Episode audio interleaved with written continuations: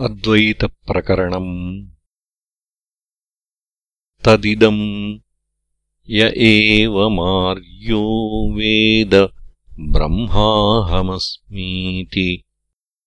स इदम् सर्वम् च स्यात्तस्य हि देवाश्च नेशते भूत्या।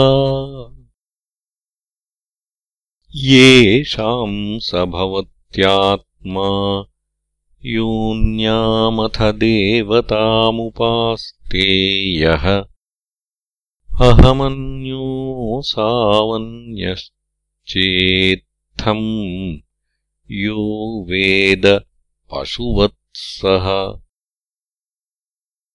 इत्युपनिषदामुक्तिस्तथा श्रुतिर्भगवदु ज्ञानी त्वात्मैवेयम्। मतिर्ममेत्यत्र युक्तिरपि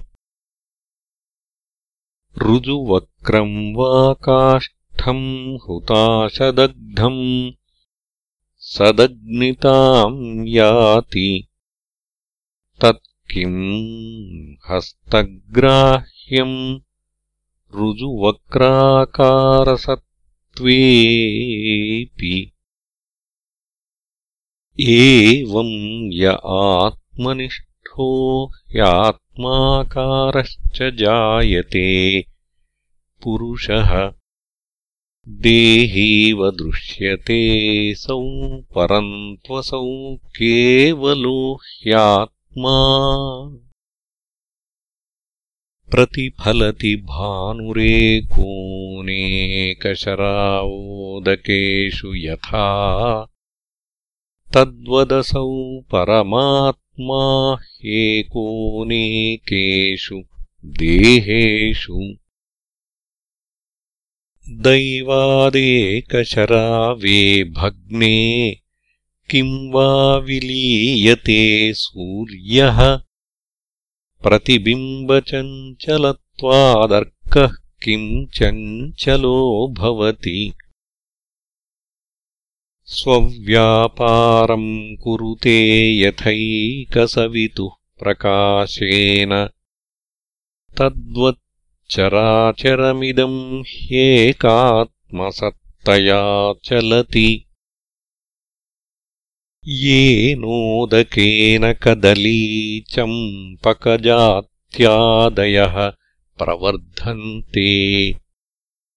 मूलकपलाण्डुलशुनास्तेनैवैते विभिन्नरसगन्धाः। एको हि सूत्रधारः काष्ठ प्रकृतीरनेकशो। युगपत् स्तम्भाग्रपट्टिकायाम् नर्तयतीह प्रगूढतया। गुडखण्डशर्कराद्या भिन्नाः स्युर्विकृतयो यथैके क्षोः केयूरकङ्कणाद्या यथैकहेम्नो भिदाश्च पृथक्। एवम् पृथक् स्वभावम् पृथगाकारम् पृथग्वृत्ति। जगदुच्चावचमुच्चैरेकेनैवात् मना चलति।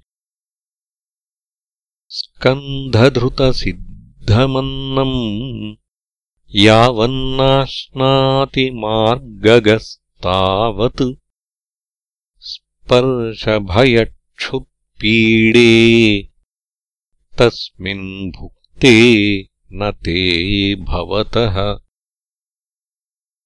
मानुषमतङ्गमहिष श्व सूकरादिष्वनुस्यूतम्। यः पश्यति जगदीशम् स एव भुङ्क्तेऽद्वयानन्दम्